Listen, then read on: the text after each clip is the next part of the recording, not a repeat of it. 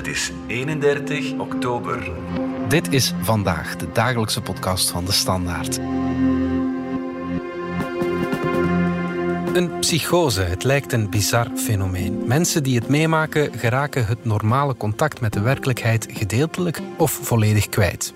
Je zou denken dat slechts een beperkt aantal mensen daarmee te maken krijgt, maar niets is minder waar. De kans is groot dat je iemand kent die een psychose heeft of zal meemaken. En zo zijn er nog veel misvattingen. En daarom schreef professor Stijn van Heulen het boek Psychose begrijpen in 33 vragen. Hoe is het om een psychose mee te maken en hoe herstel je ervan? Collega Sophie Steenhout praat erover met professor Stijn van Heulen en Leen Verhaart, die ervaring heeft met psychose.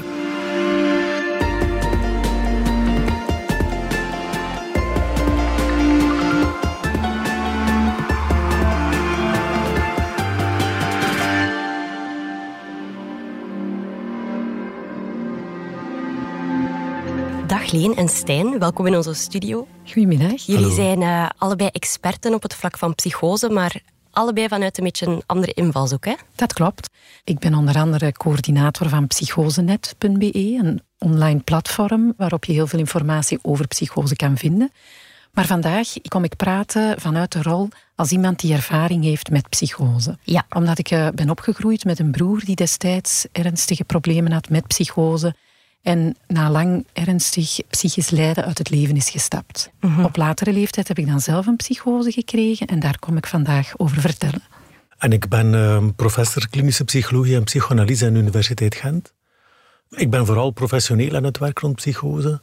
Ik doe daar onderzoek naar. Ik heb een aantal boeken geschreven over psychose. En ik ben ook werkzaam als klinisch psycholoog, therapeut. En onder andere mijn praktijk met een aantal mensen die psychotische problemen hebben. Ja, Jij hebt recent een nieuw boek geschreven, Klopt. Stijn. Psychose begrijpen in 33 vragen. Waarom was er nood aan een nieuw boek hierover? Ja, omdat er eigenlijk heel veel misverstanden maatschappelijk zijn rond psychose. Een belangrijk uitgangspunt is dat heel veel mensen toch wel te maken krijgen met iets als psychose. Eigenlijk is ongeveer 15% van de bevolking heeft ooit zoiets. En dat gaat dan bijvoorbeeld over een stem horen die er niet is. Of bijvoorbeeld een soort paranormale ervaring hebben. Maar bij 3,5% van de bevolking resulteert dat eigenlijk in een klinische problematiek, waar er echt professionele hulp voor nodig is. En als je dat vertaalt, 3,5%, dan wil dat eigenlijk zeggen dat iedereen in onze maatschappij, in zijn netwerk concreet, dat er daar wel gemiddeld iemand is die last heeft van psychotische ervaringen. En we zijn allemaal zo onbeholpen om daarmee om te gaan. Mensen worden daar heel bang van, worden op een ongemak daarbij. En met dat nieuwe boek, Psychose begrijpen in 33 vragen, proberen we eigenlijk in heel begrijpelijke taal over psychose te praten. En van ook, gezien dat we werken vanuit wetenschap, weten we dat er een goed perspectief is op herstel ook bij psychose. En dat zetten we in dat boek eigenlijk centraal. Ja. Is dat uh, herkenbaar, Leen? Het is inderdaad zo. Ik ben heel erg blij met het boek, want er kan niet genoeg helderheid rond gecreëerd worden. Hè, um, niet tegenstaande ik zelf er al heel erg mee in aanraking was gekomen in mijn familie, ben ik dan toch op zeker moment zelf door een psychose gegaan. En dan is het bijzonder moeilijk om twee dingen te vinden. Dat is juiste informatie en hoopvolle informatie. Mm-hmm. En dat zijn eigenlijk zaken die alleen maar um, naar boven kunnen komen als we er, zoals Stijn zegt, taal voor vinden en als we er kunnen over praten, als het eigenlijk een breed gedragen thema wordt. Hè.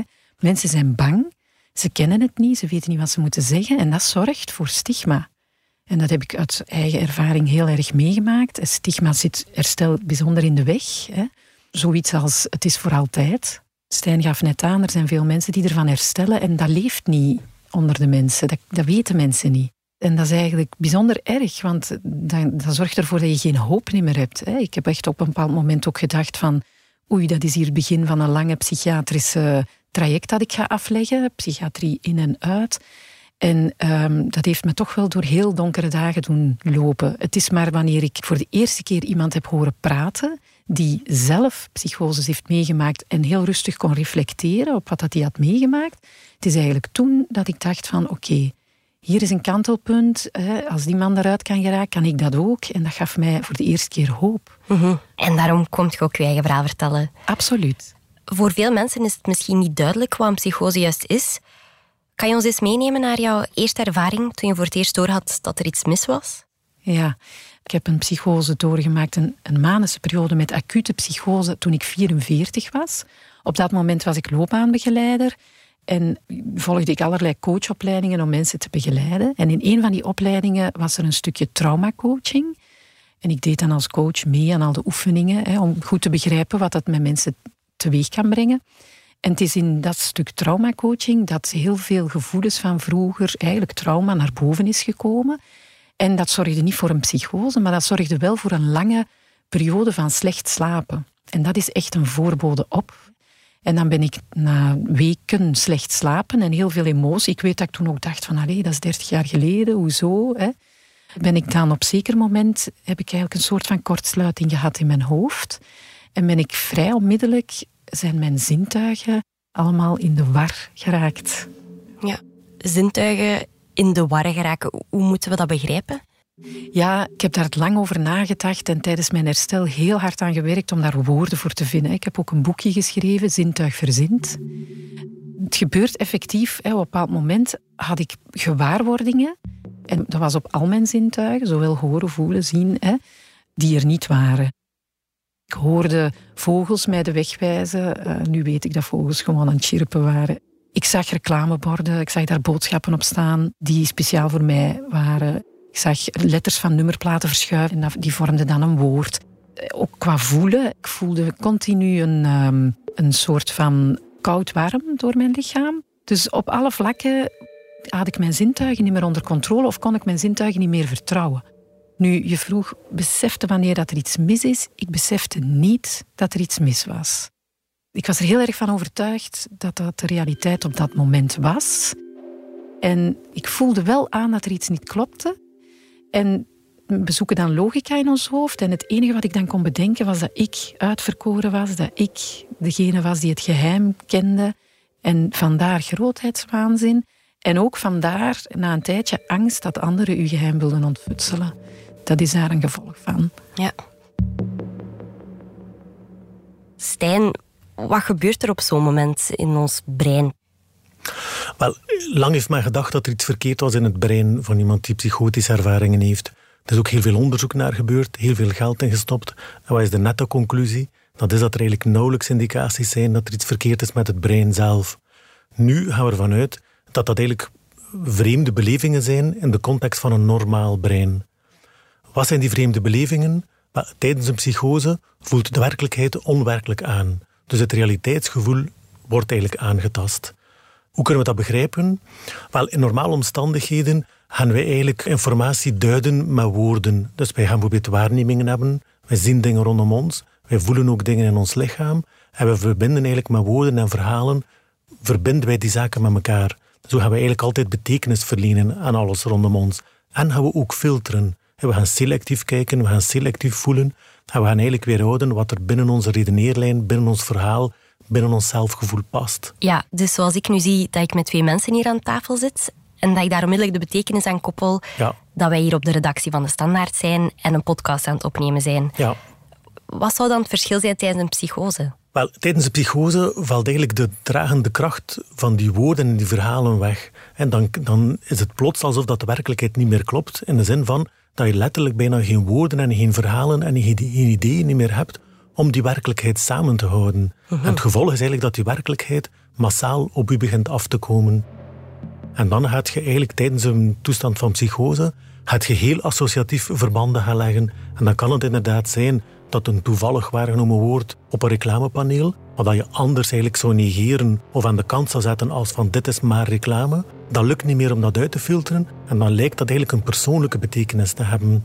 En zo gaat eigenlijk iemand in een psychose toestand heel associatief van de ene prikkel naar de andere springen en krijgt die persoon ook het gevoel dat inderdaad de werkelijkheid niet meer klopt en dat er iets anders aan de hand is met de werkelijkheid. Mhm. Oké. En dat kan gaan in twee richtingen dan. Ofwel gaat iemand eigenlijk zijn zelfgevoel daardoor ondermijnd worden. Dan gaat hij het gevoel hebben dat hij niet meer bestaat. Ofwel kan het gevoel ontstaan dat je op een of andere manier een nieuwe waarheid ziet. Of de waarheid op een andere manier ziet. Ja, en wat dat er ook uh, belangrijk bij is, zeker, dat was bij mij ook zo, die werkelijkheid, die, je praat daar niet over. Ik zeg tegen u nu niks over die tafel die we hier allemaal samen zien staan. We praten daar niet over, want we gaan ervan uit dat we dat zien. Mhm. Zo is dat in een psychose ook. Die eerste dagen was ik psychotisch. En ik zei daar tegen niemand niks over, want ik ging ervan uit dat iedereen hetzelfde zag. Ja, ja. Tot ik dan begon te ervaren, langzaamaan voel je dat je omgeving niet mee is. En opnieuw voelde ik dan aan van, hier klopt iets niet, maar ik kon het niet vatten. Ik kon het niet, kon niet beslissen wat het precies was. Hè? Ja. Ehm, ik heb ook proberen vatten in een gedichtje. Wanneer een psychose zich aandient, draagt de titel Notendop. En dat gaat als volgt. Als je zintuigen je in de steek laten, als je zintuigen geen zin meer hebben, als de zin van je tuigen ontbreekt, als je zintuigelijke waarneming niet meer zint, en als je bezint over die waarneming, als je betuigt dat eindelijk alles zin heeft, dan zint er iets niet.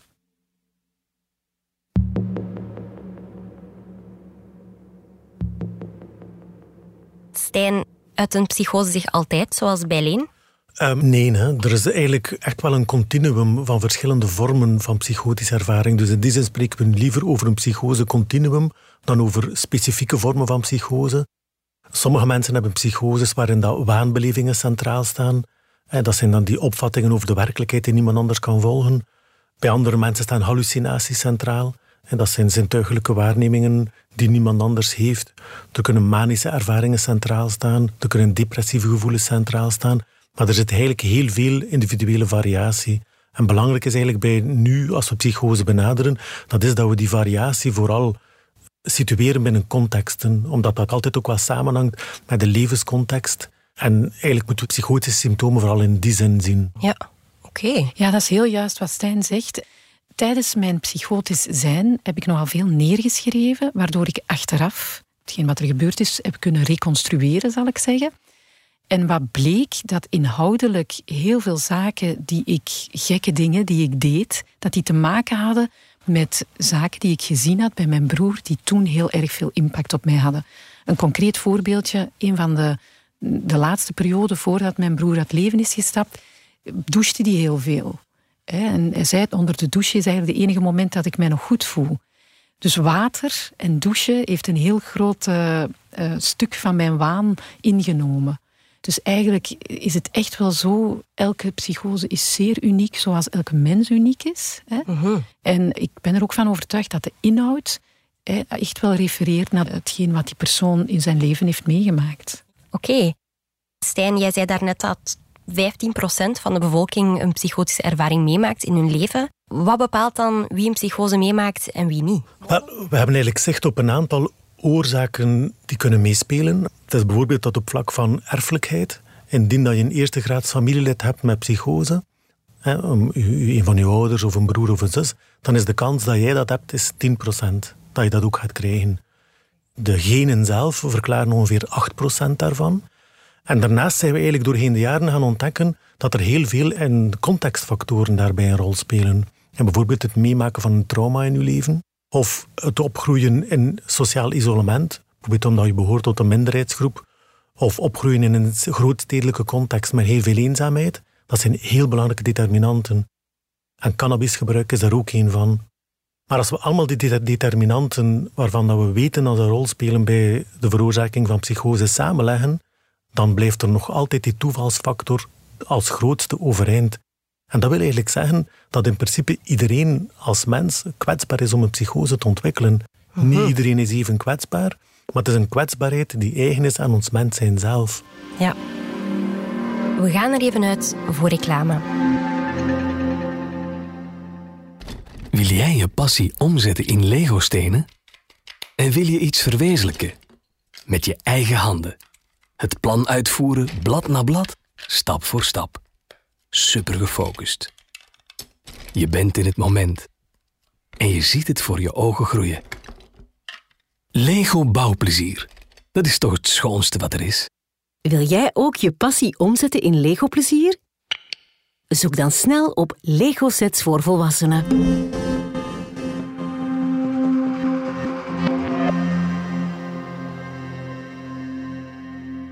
Terug naar jouw verhaal, Jij had dan die psychotische ervaringen. Wanneer heb je dan hulp gezocht? Ja, ik ben eigenlijk heel erg psychotisch geworden op tien dagen tijd. En een van mijn ideeën in mijn hoofd was dat ik ook niet meer moest eten. Okay. En dat heeft mij zowel ik, mentaal, maar dan ook fysiek onderuit gehaald. En dus ik ben op een bepaald moment ook echt onderuit gegaan. En dan hebben de crisisdiensten mij komen halen. En dan ben ik in opname uh, terechtgekomen op een paasafdeling. En dan hebben ze mij heel veel medicatie gegeven. Uh, na zeven, acht dagen ben ik dan uit die waas wakker geworden. Hè. Die antipsychotica heeft daar wel voor gezorgd. Maar ik vraag me nog altijd af of dat nodig was om zoveel medicatie te krijgen en ik niet misschien iets langer in die psychose had kunnen blijven. Want dan word je na zeven dagen wakker, de situatie is niet veranderd en dan heb je bijzonder veel bijwerkingen. En ik, op dat moment wist ik echt niet meer van wat houtpijlen maken. Mhm. Ik herkende mezelf niet meer, mijn lichaam niet meer. En ik zat nog altijd met hetzelfde probleem als voordien waarom de psychose zich aandiende. Want een psychose komt niet zomaar, die komt je iets vertellen. Dus dan begon het eigenlijk nog maar. Van herstel was op dat moment geen sprake. En dat heeft zeker nog een half jaar geduurd vooraleer ik ook maar enig momentje van herstel voor mij zag. Ja, Stijn, je hoort ook wel verhalen, ook bijvoorbeeld op Psychosenet, van zaken die misgaan tijdens opnames bij mensen met een psychotische ervaring. Hoe komt dat, dat er nog zo dingen misgaan? Wel, eerst en vooral moeten we weten, er is geen enkele goede, doortastende behandeling voor psychose die we bij iedereen kunnen toepassen. Mhm. Dat bestaat gewoon niet. Dus in die zin is het zoeken naar een oplossing echt ook een oplossing op maat altijd te vinden van de persoon die het meemaakt. Wat is nu het probleem? Dat is dat er inderdaad te veel verwacht wordt dat medicijnen de oplossing zijn. Medicijnen kunnen bijdragen tot de oplossing, maar dat is geen standaard iets. Het zou wel handig zijn natuurlijk. Hè? Ja, dat zou handig zijn, maar dat is een fictie. 30% van de mensen kan perfect zonder medicijnen uit hun psychose raken. Okay. Um, dat is wat we weten. Maar de werkelijkheid is anderzijds dat heel veel van de mensen met psychotische ervaringen veel te veel medicatie slikken en daar langdurig op zitten, waardoor dat ze eigenlijk ook gezondheidsproblemen krijgen. Dus wat is de richtlijn die wij nu proberen te hanteren? Dat is eigenlijk dat we mensen kunnen ondersteunen met minimale dosissen van medicijnen, gecombineerd met een aanpak die vooral probeert in te pikken op die belevingswereld van mensen. Als dat vooral het punt is waar dat de verstoring zit, dan moet er vooral geïnvesteerd worden in het leggen van contact, in het proberen in dialoog te treden met iemand. En dat kan. Je kan met iemand die in een psychose verkeert rustig in dialoog treden. En helaas zijn onze hulpverleners daar veel te weinig voor opgeleid. En dan gaan we vaak het tegenovergestelde zien. Dat is in plaats van de-escaleren van, van het drama die gebeurt tijdens de psychotische beleving, dat je eigenlijk een escalatie krijgt. En die escalatie die begint vaak al in het eerste contact met hulpverleners, wat dat in sommige gevallen een ambulancier is, of dat dat politie is. Maar iemand die met zwaailichten wordt binnengebracht in een ziekenhuis, dat is geen veilige verbindende context. Nee, absoluut niet. En dan eh, dreigt dat vaak te escaleren en komen mensen soms terecht nog vandaag de dag in isolatiecellen die op zich weer traumatiserend werken, afstand scheppen met de hulpverlening. En dat is helemaal het pad dat we niet moeten bewandelen. Mhm. Ja, en misschien wat dat ook belangrijk is voor mensen die ermee te maken hebben, zowel zorgverleners als eh, de omgeving, is niet te vergeten dat iemand die in een psychose raakt, blijft iemand met een verhaal. Het is niet omdat je een psychose hebt dat al de rest van je rollen die je op dat moment in je leven hebt wegvallen. Het is niet omdat ik in een psychose in de kliniek was opgenomen dat ik geen moeder meer was, dat ik geen partner meer was. En zo werd ik wel behandeld. Niet door iedereen, maar op sommige momenten wel. Na mijn eerste opname had ik bij iemand op de kamer gelegen die ik maar beter had leren kennen. En bij een tweede opname, of bij een derde, ik weet het al niet meer, gaf zij mij aan dat het echt niet goed ging met haar. Hè. En ik geef het mee aan de zorgverleners. Van, ik wil heel even, even aanstippen dat, we, dat ik vanmiddag een gesprek heb gehad. En dat was enorm vernederend dat ze toen zeiden van ja, oei, oei, houd jij je maar bezig met uw problematiek, zullen wij dat wel doen. Ja. Hoezo valt mijn rol als vriendin dan weg? Ben ik niemand meer omdat ik een psychose heb gehad? Mhm. En dat zijn zo van die zaken waar hulpverleners met de beste bedoelingen uiteraard hè, niet bij stilstaan. Niet alleen hulpverleners, hè, mensen die ermee te maken hebben. Ja, ja absoluut. En wat zijn dan de elementen geweest die u hebben geholpen? Ja, eerst en vooral het sociaal vangnet.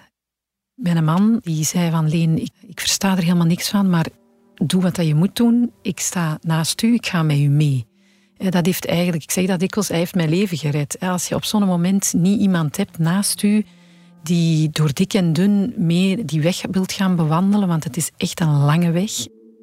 Dat gaf mij ook de moed om op zoek te gaan naar altijd maar opnieuw een andere hulpverlener met wie het wel klikte. Ja. Die professionele hulpverlener is kei belangrijk, maar het moet iemand zijn met wie je verbinding kan maken.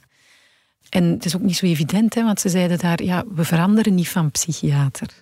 Ah. dat doen we niet. Ja. En ik weet dat ik zoiets had van, ik werkte vroeger bij de bank. Als ik daar niet content was, dan veranderde ik gewoon van bank. dus waarom zou ik niet van psychiater mogen veranderen? En uiteindelijk is het ook goed geweest dat ik dat gedaan heb. Hè, want ben dan bij iemand terechtgekomen met wie je connectie kon maken. Maar om uit die impasse te geraken is het absoluut een en-en verhaal. Hè. En die professionele hulpverlener en het sociaal vangnet en creatief. Hè. Voor mij was schrijven bijzonder helend. Hè. Daarom heb ik ook een boek geschreven, daar zit heel mijn trauma in. Hè. Lezen. Hè. Ik denk aan psychose begrijpen in 33 vragen. Was er toen nog niet. Maar dat had mij bijzonder geholpen. Meer, meer begrijpen eigenlijk wat er is gebeurd en kunnen kaderen. Ja, en lotgenotencontact mag ik ook niet vergeten. En ook bewegen. Ik had een vriendin met een hond die altijd met mij wilde gaan wandelen. En dat is ook heel belangrijk geweest. Mhm. Ja, en de hulpverlening is ook aan het veranderen. Ze zijn er aan het werken. Stijn, kan je een aantal initiatieven uitlichten? Ja, bijvoorbeeld zijn er nu ook mobiele teams in de geestelijke gezondheidszorg. Dat wil zeggen dat gespecialiseerde hulpverleners bij u aan huis kunnen komen. Wat dat heel belangrijk is bij iemand die psychotische belevingen heeft, dat er tijdig hulp komt. En hoe sneller dat er eigenlijk hulp is, hoe minder ingrijpend dat ook de stappen moeten zijn. Dus mobiele zorg aan huis is daarbij belangrijk.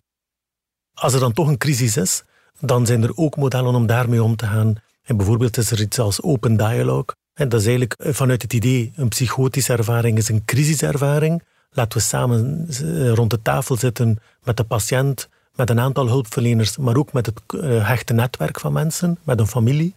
En laten we proberen babbelen over die crisis. wat blijkt dan, als je dat doet, dat is dat de psychotische ervaringen effectief zakken. Okay, en dan niet samen met het nemen van medicatie, maar gewoon met het vinden van woorden en het vinden van verbondenheid rond die breukpunten in een leven die net iemand zijn belevingswereld volledig op stang jagen. Mhm. En sowieso in de zorg, wat we nu ook zien, dat is dat er meer mensen die zelf ervaring hebben met psychose ook daarbij betrokken worden in de zorg. Ja. Als rolmodel, en Leen heeft het ook aangestipt in haar verhaal, zij kreeg hoop op het moment dat ze iemand de verhaal hoorde brengen over zijn eigen psychose en die daaruit geraakt is. Dat kunnen zien, dat je daar kan uitgeraken, is ook heel belangrijk. Ja, um, je vertelde ook dat het belangrijk is om op tijd in te grijpen. Maar Leen zei zelf dat ze het eigenlijk niet goed door had, dat er iets mis was. Hoe kan je dan die signalen herkennen van een beginnende psychose? Dat herken je eigenlijk door het feit dat iemand een stukje vreemd begint te doen. Dat hij vreemde vragen begint te stellen over de werkelijkheid, ander gedrag begint te stellen. Dat is eigenlijk hoe dat we het in eerste instantie kunnen zien. Vaak gaan personen ook ja, zich terugtrekken op een of andere manier uit contacten. Uh, dat, dat zijn de eerste signalen. Ik, ik treed daarbij. Hè. Mijn man zag ook dat ik bepaalde e-mails had gestuurd om te zeggen dat ik ziek was tegen mijn cliënten die voor een loopbaanbegeleiding dan geboekt stonden. En hij zei, hoezo ziek? Je bent toch niet ziek? Dus, en dan ook, zeker de laatste dag, is hij naar zijn werk vertrokken met de moed in zijn schoenen, want zag hij dat het echt niet ging. En ik weet dat ik toen hem ook gerust... Dat is natuurlijk het moeilijke daaraan. Hè. Ik stelde hem altijd gerust. Mhm. Ik was meester in het verbergen wat er in mij echt in mij omging. Tot ik dan eigenlijk het, het dagelijks functioneren in, in het gedrang kwam. Dat is inderdaad een heel moeilijke oefening, maar ik denk, um, je gaat sowieso ander gedrag zien. Achteraf gezien hebben wij daar ook heel veel over gepraat met ons gezin hebben mijn kinderen ook een aantal dingen vastgesteld. Jullie hebben daar ook achteraf ook open over gepraat met de kinderen? Heel erg veel. En een van de redenen waarom ik dit doe, waarom ik naar buiten kom, is om te vermijden dat mijn kinderen, want dat is voor hen ook een heel traumatische ervaring geweest op dat moment, nu zeggen die gewoon van, mijn mama heeft een psychose gehad en die gaat daar overal over praten. Alleen dat al neemt de spanning weg. Ja. Voor mijn kinderen is dat oké. Want heel vaak met gewoon erover te praten en gewoon doen. Hè, want mensen vragen dikwijls aan hoe moet je dan doen? Begin al eens met gewoon te doen. Hoe zou je het doen tegen een vriend in nood? Dat gaat het niet met een vragenlijst en een stilo. Nee, dan vraag je hoe gaat het met jou? Wat heb je nu precies nodig? Ik wil er graag bij aansluiten, omdat inderdaad ook wat we weten uit onderzoek wat dat best werkt, dat is rustig in contact proberen blijven met iemand. Dat is zowel eigenlijk wat de hulpverleners moeten doen op het moment dat iemand acuut in een psychose is, dan moeten die hulpverleners vooral niet zelf angstig worden, niet in paniek schieten of vanuit die angst en die paniek handelen, maar vooral vanuit een rust en een verbondenheid en een sympathie. En dat is eigenlijk ook wat dat in een netwerk ook kan gebeuren. Vrienden of vriendinnen van iemand die psychotische ervaringen heeft. Vaak zijn mensen bang in het contact, gaan ze wegblijven. Maar eigenlijk is het superbelangrijk dat je aanwezig blijft. Dat je wel die bezoekjes doet, dat je wel voorstelt, we gaan wandelen met de hond bijvoorbeeld. En ook al zijn er stukjes in, in het contact die op dat moment niet te volgen zijn, door psychotische belevingen, er zijn ongetwijfeld stukjes zijn in het contact die wel te volgen zijn. En die verbondenheid die op dat moment blijft en aanwezig blijft, is ongelooflijk belangrijk in een herstelproces. En dat herstel is ook zeker mogelijk, hè? zoals in uw verhaal ook uh, blijkt, Leen. Enorm bedankt voor het gesprek. Stijn, Leen, merci om naar de studio te komen. Graag gedaan. Ja, dat is tof. Dit was vandaag de dagelijkse podcast van De Standaard. Bedankt voor het luisteren. Volg ons op Spotify, Apple Podcast of eender welk ander podcastplatform. Onze gratis FDS-podcast kan je niet alleen ons werk beluisteren, maar ook de beste podcasttips terugvinden, met zorg geselecteerd door onze redacteur Max de Moor. Alle credits van de podcast die je net hoorde vind je op standaard.be-podcast. Reageren kan via podcast.standaard.be. Morgen zijn we opnieuw.